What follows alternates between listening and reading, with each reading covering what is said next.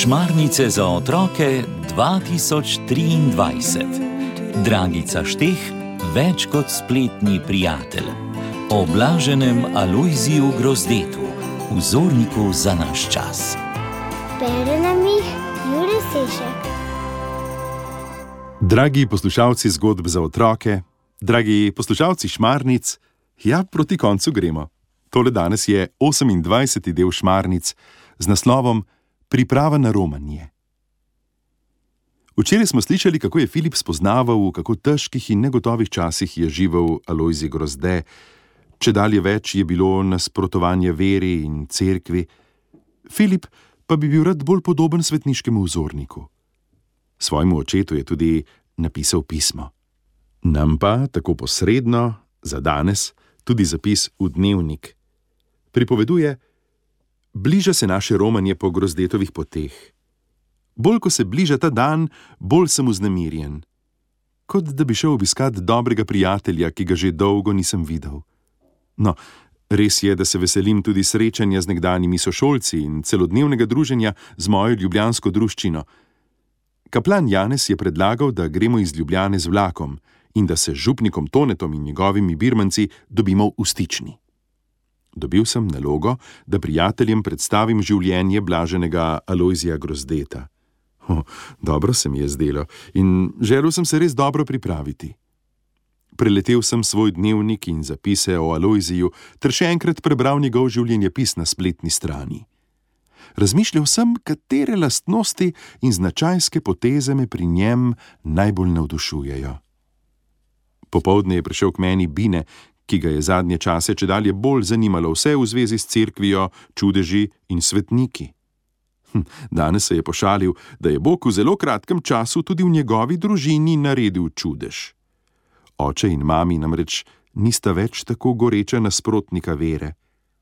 Pravi, da je na vidiku spreobrnjenje. Hitro se uči tale moj prijatelj Bine. Ko sem mu povedal, kakšno nalogo imam, se je takoj ponudil, da mi pomaga. Narediva miselni vzorec, je predlagal, potem pa boš ob njem pripovedoval zgodbo o Alojzijevem življenju.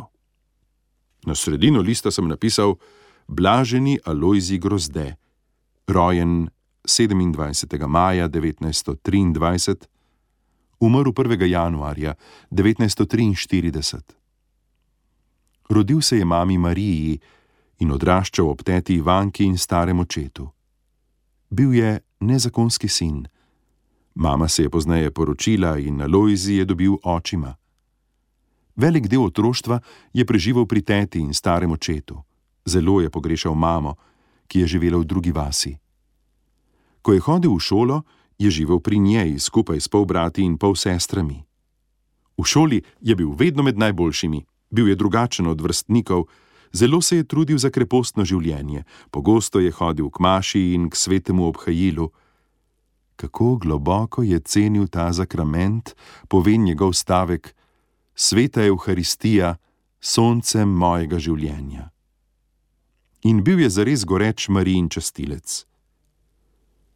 Bineta je zanimalo, kaj pomeni biti častilec. Spomnil sem ga na šmarnice in na to, kako se kristijani k Mariji obračamo tako, kot se otroci obračamo k mami. Marija je tista, ki nam izprosi milosti pri Bogu. Bine je globoko zauzdihnil. Želim si, da bi bilo res tako preprosto, ampak sej veš, da včasih tudi Marija ne more pomagati. Odložil sem pisalo in počakal, da je nadaljeval. Vse te krivice, ki se dogajajo, mar ni malo čudno, da Marija in Bog nič ne ukrepata? Priznam, Binetu nisem znal odgovoriti. Eh, to bo vprašanje za našega kaplana, sem mu rekel. Nadaljujva z delom, rad bi povedal še kaj o Alojziju. Z dvanajstimi leti je odšel na šolanje v Ljubljano. Imel je kar nekaj dobrotnikov, ki so mu pomagali plačati stroške bivanja in šolanja. Rad je zahajal v cerkev Marije Pomočnice na Rakovniku in bil eden od najbolj aktivnih članov katoliške akcije in Marijine kongregacije. Binetu sem želel prebrati eno od njegovih pesmi, ni mi bilo treba dolgo iskati. Rad bi zopet v gost zahajal, kakor sem nekoč. Rad bi zopet sanje sanjal, cvetke trgajoč. Šmarnic šopek bi nabral si in Mariju dar, bi v kapelici na vasi ga položil na oltar.